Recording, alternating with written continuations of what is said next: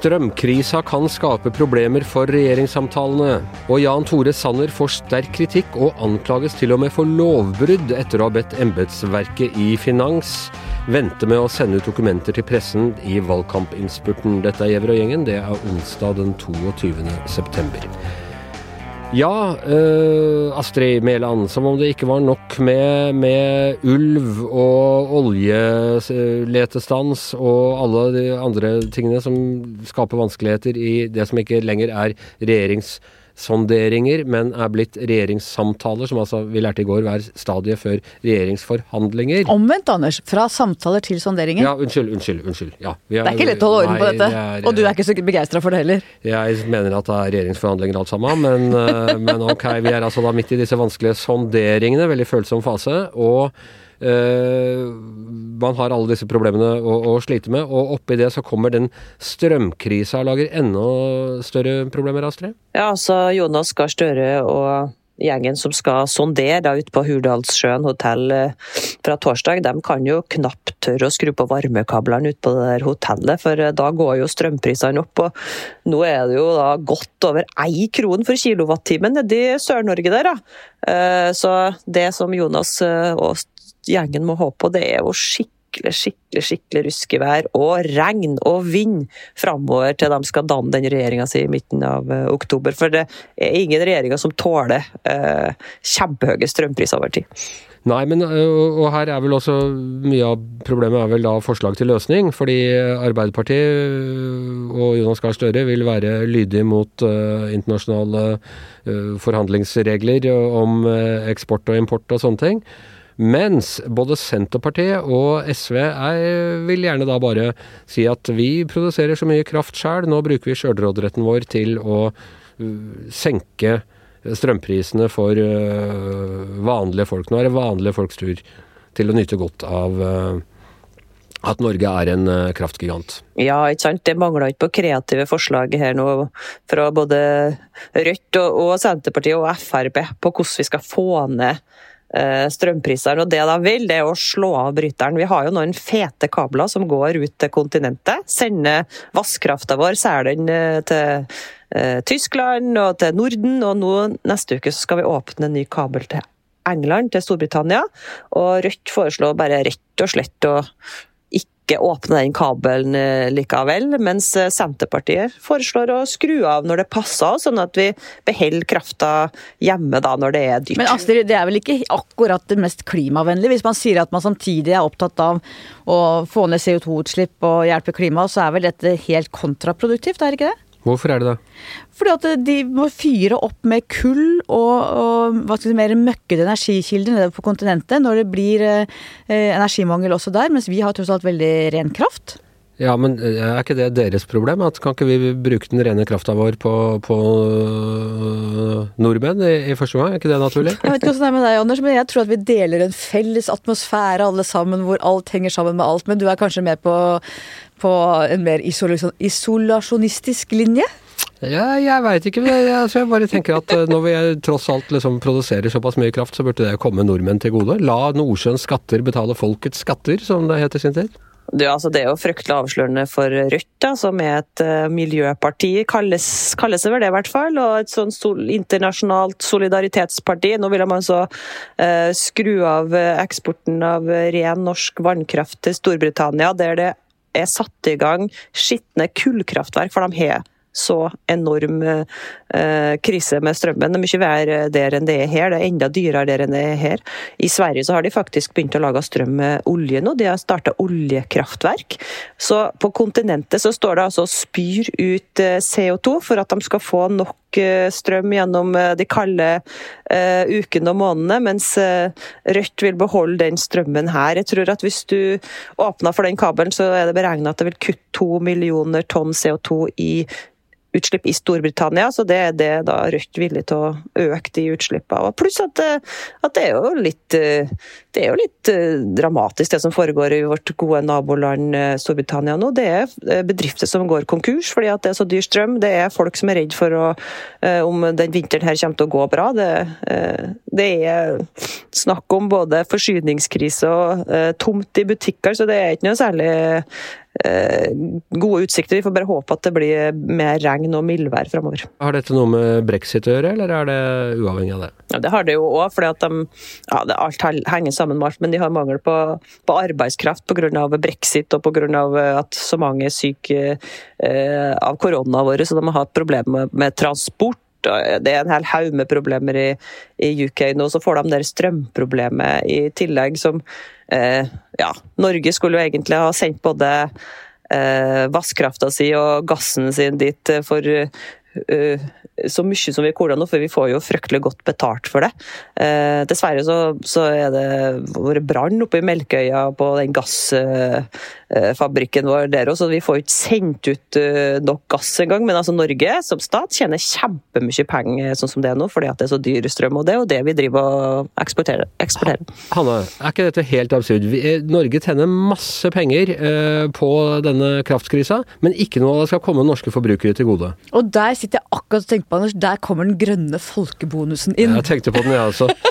SVs grønne folkebonde For, det, for, nå handler det også om det handler både om energipolitikk og også vil jeg tro i forhandlingene om fordelingspolitikk. Det er klart som Astrid sier, det er ikke lett for en påtroppende regjering å ha en så høy strømpris som ligger helt øverst i nyhetene uten å gå inn for det, samtidig som det er en regjering som vil gjøre noe med økte forskjeller. Det er klart dette svir veldig i lommeboka til de som har dårligst råd. Ja, men er, er, det, er, det, noe sånt som da blir løsning? Nei, vi er forpliktet av, av EØS-avtale og andre internasjonale avtaler om å eksportere så og så mye, eh, men til gjengjeld så kan staten gi tilbake penger med den andre hånda. Og hvordan rimmer dette med ditt krav til eh, bedre, mer sparsommelig eh, utgiftsbudsjettering i den nye regjeringa? Nei, det går veldig dårlig. Jeg var på Arbeiderpartiets landsstyremøte i går og hørte på talen til Jonas Gahr Støre, påtroppende statsminister, og spurte han på pressekonferansen etterpå om han kunne om han kunne garantere og love at de ville holde den økonomiske politikken innenfor ansvarlige rammer som perspektivmeldinga satte for at dette blir dyrt. og da svarte han litt sånn ja, vi skal være ansvarlig, bladdy, bladdy, blæ, ikke sant. Nei, jeg stoler ikke på at disse heller, i likhet med Erna Solberg og hennes samarbeidsregjering, klarer å holde pengebruken nok nede. Men vi har, eh, vi har, gode nyheter her, da, Anders og Hanne. Vi, vi, tjener jo så mye penger på gass nå. Vi tjener mer på gasseksporten enn på oljen, for det er så dyrt med gass. Og vi tjener kjempebra på vannkrafta, sånn at de pengene de kommer jo tilbake til oljefondet, da, gassinntektene, mens kraftinntektene kommer jo stort sett tilbake til det offentlige, fordi eh, kommuner og fylkeskommuner og det offentlige eier de her kraftselskapene. Så det kan jo gå tilbake til Um, og hjelpe folk som ikke klarer strømregninga via Nav eller, eller, noe annet. Det vil være mye lurere det enn å skru av krafteksporten til Europa. Både for miljøet og for den norske budsjettbalansen. Ja, kan det det, Hanne? Kan det gå tilbake til folk, eller ødelegger vi da den fine perspektivmeldingsbalansen eh, vi skal ha? Nei, Det kommer helt an på hvordan det gjøres. Det er klart at eh, Både Arbeiderpartiet og SV vil ha et mer omfordelende skattesystem. Arbeiderpartiet har lovet litt skattelette til de som har under jeg tror det er 700 000, mens mer skatt til de over. Så det er klart Hvis du rigger skattesystemet sånn at du gir skikkelig skattesmell til de som har god råd, og gir betraktelig mer skattelette til de med dårligere og så vil det jo ha en omfordelende effekt. Samtidig som jeg vet ikke hvordan det går inn hos folk, om du tenker Nei. på det at du betaler, har mindre skatt Og det tar tid. altså hva, Hvor mye du får igjen på skatten ja, i 2023 i forhold til at du nå står foran en vinter som kan bli eh, dødsstreng. Ja, ja, absolutt. Det er der den grønne folkebonusen Fortell hva den er, Anders. Fortell konkret hva den består i. Du som er så glad i den. Den grønne folkebonusen er noe jeg og Hans Petter Sjøli har drevet og tøysa med fordi det dukka opp her i valgkampen. og det, Den er liksom det klassiske politikerløftet. En eller annen sånn sjekk, sånn som Trump holdt på med hele tiden. Han skulle sende sjekker til folk. Øh, øh, med penger. Men, men hvordan, hvordan, skal man eh, løse innenfor ansvarligheten den strømkrisa som kommer, hvis man øh, samtidig ikke kan bruke vår egen kraft til å selge den billigere til, til nordmenn? Nei, For det første så er det jo det er et klimaaspekt her, med at nettopp det at du sender uh, ren kraft nedover i Europa så det blir mindre utslipp, det er den viktige delen som bør være veldig viktig for hvert fall SV og Arbeiderpartiet. Og så har du den andre økonomibiten, som er Ja, strømmen er dyr, så får du heller innrette velferdsordninger på andre ting. Altså gratis SFO og tannhelse og gud vet hva de snakker om, alle disse tingene. Det er ikke noen måte, det er ikke noen måte å kompensere strømregninga til folk på. Da må, da må, du si at de som har aller dårligst råd får gå på sosialkontor, det kan de i dag, men det er på en måte en ganske sånn det er noe helt annet, du kan ikke si det. Sånn at det er høye strømregninger. Man må bare håpe, som Astrid sier, på regnvær og storm og ruskevær. For mot markedet eh, kjemper selv en rød-grønn regjering forgjeves? Ja.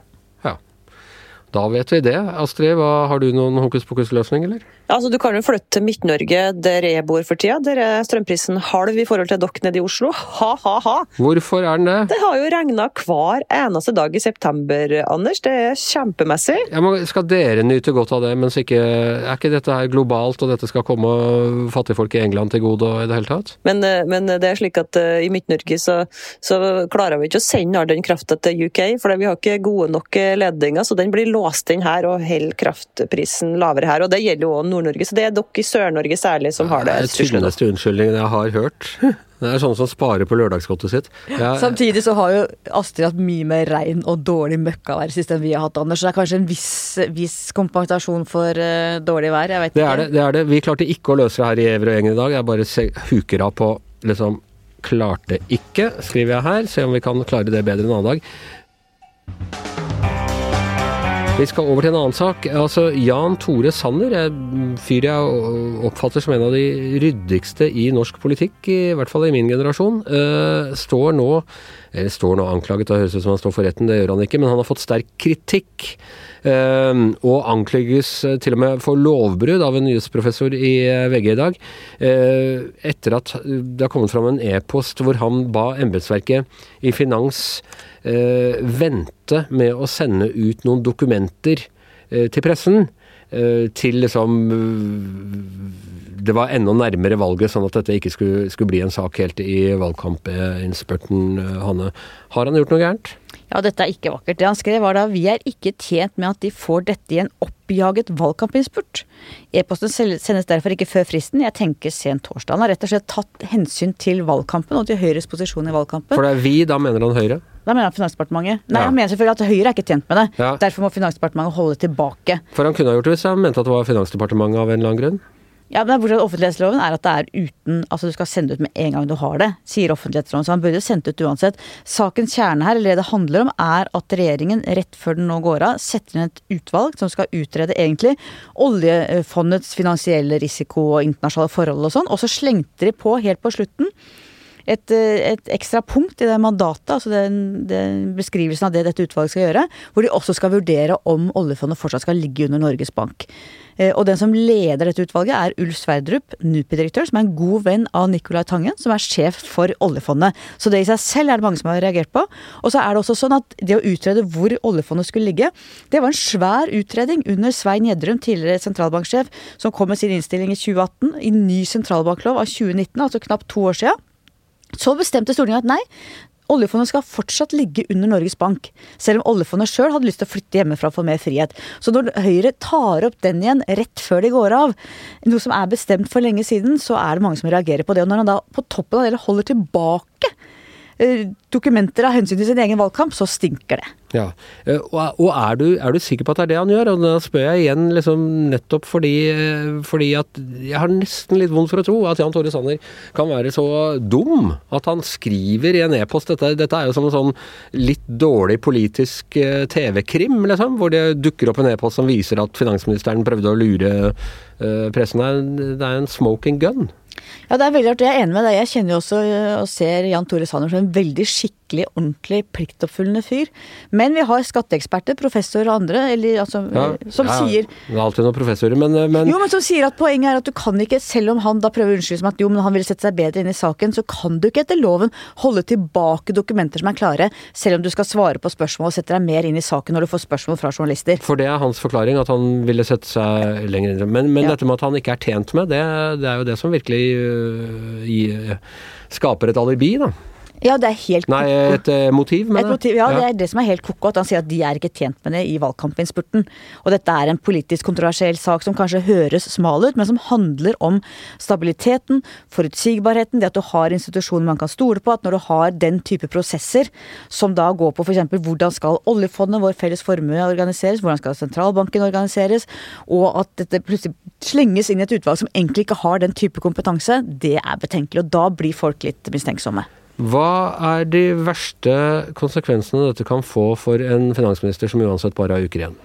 Nei, Han må vel gå i midten av oktober, da. ja. Nei, ja, men uh, alvorlig talt, er det liksom Altså, det blir ikke noe mistillitsforslag på dette. Uh, Nei, så- er det bare en ripe i lakken? Ja, det er en ripe i lakken. Og det er klart, hvis de, hvis de hadde vunnet valget og hadde hatt fire nye år, så kunne de fått et stort etterspill. De er jo, har jeg sett, også ganske sinte i representantskapet i Norges Bank. Flere Jeg så andre, Hadia Tajik var uh, skarp i dag også i VG. ja, så de kunne fått et etterspill, men nå tror jeg Nå, er, nå sitter de og forhandler på, på Hurdal fra i morgen. Det er helt andre ting som tar oppmerksomheten, og alle vet at Jan Tore Sanner går av om to-tre uker. Har det vært med i hans beregning? Var det sånn Nei, det hadde jo ikke vært noe vits i å utsette det heller, hvis han tenkte jeg skal jo gå av uansett. Så. Nei, men så tenker jeg også at det, i valgkampinnspurten Det er jo ikke så lett å tenke seg at denne saken skulle blitt en stor rysare som hadde snudd mange stemmer rundt i det ganske land, heller hvis den hadde kommet ut to dager før. Nei, nettopp. Så det er jo, hele greia er litt rar. Ja, det er en merkelig sak. Eh, tror du det kommer fram mer rundt det? Er, altså, er dette en sånn sak som bare uh, Når du snakker om Nicolai Tangen, det starta jo med den der Sting-festen, og så ble det diverse ting etter hvert. Er det Nei, men Det jeg syns er interessant med saken, er at, eh, at opposisjonen er ganske opprørt over at eh, Høyre-ledet Finansdepartement satte ned dette utvalget så kort tid før med en av Tangens beste venner, og til og med la til dette tilleggspunktet i mandatet som egentlig ikke var meningen skulle være der. Så det som godt kan hende, er at de gjør om utvalget, eller gjør om mandatet til utvalget. Eller at de ikke legger noe vekt på det. For jeg tror ikke, tror ikke de rød-grønne nå er interessert i å ha en ny utredning om hvor oljefondet skal ligge. Det ligger under Norges Bank. Ferdig snakka. Ok, nei, eh, da sier vi det sånn. Eh, ellers så har flere av lytterne våre har spurt om vi skal på bakgården denne uka. Det skal vi ikke. Eh, vi skal ut på regjeringssonderingene.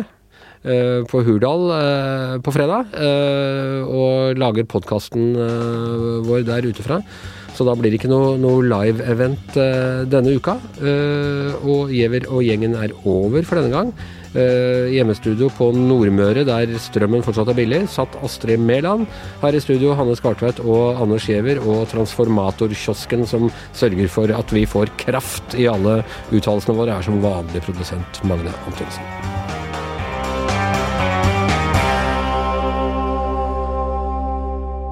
Du har hørt en podkast fra VG.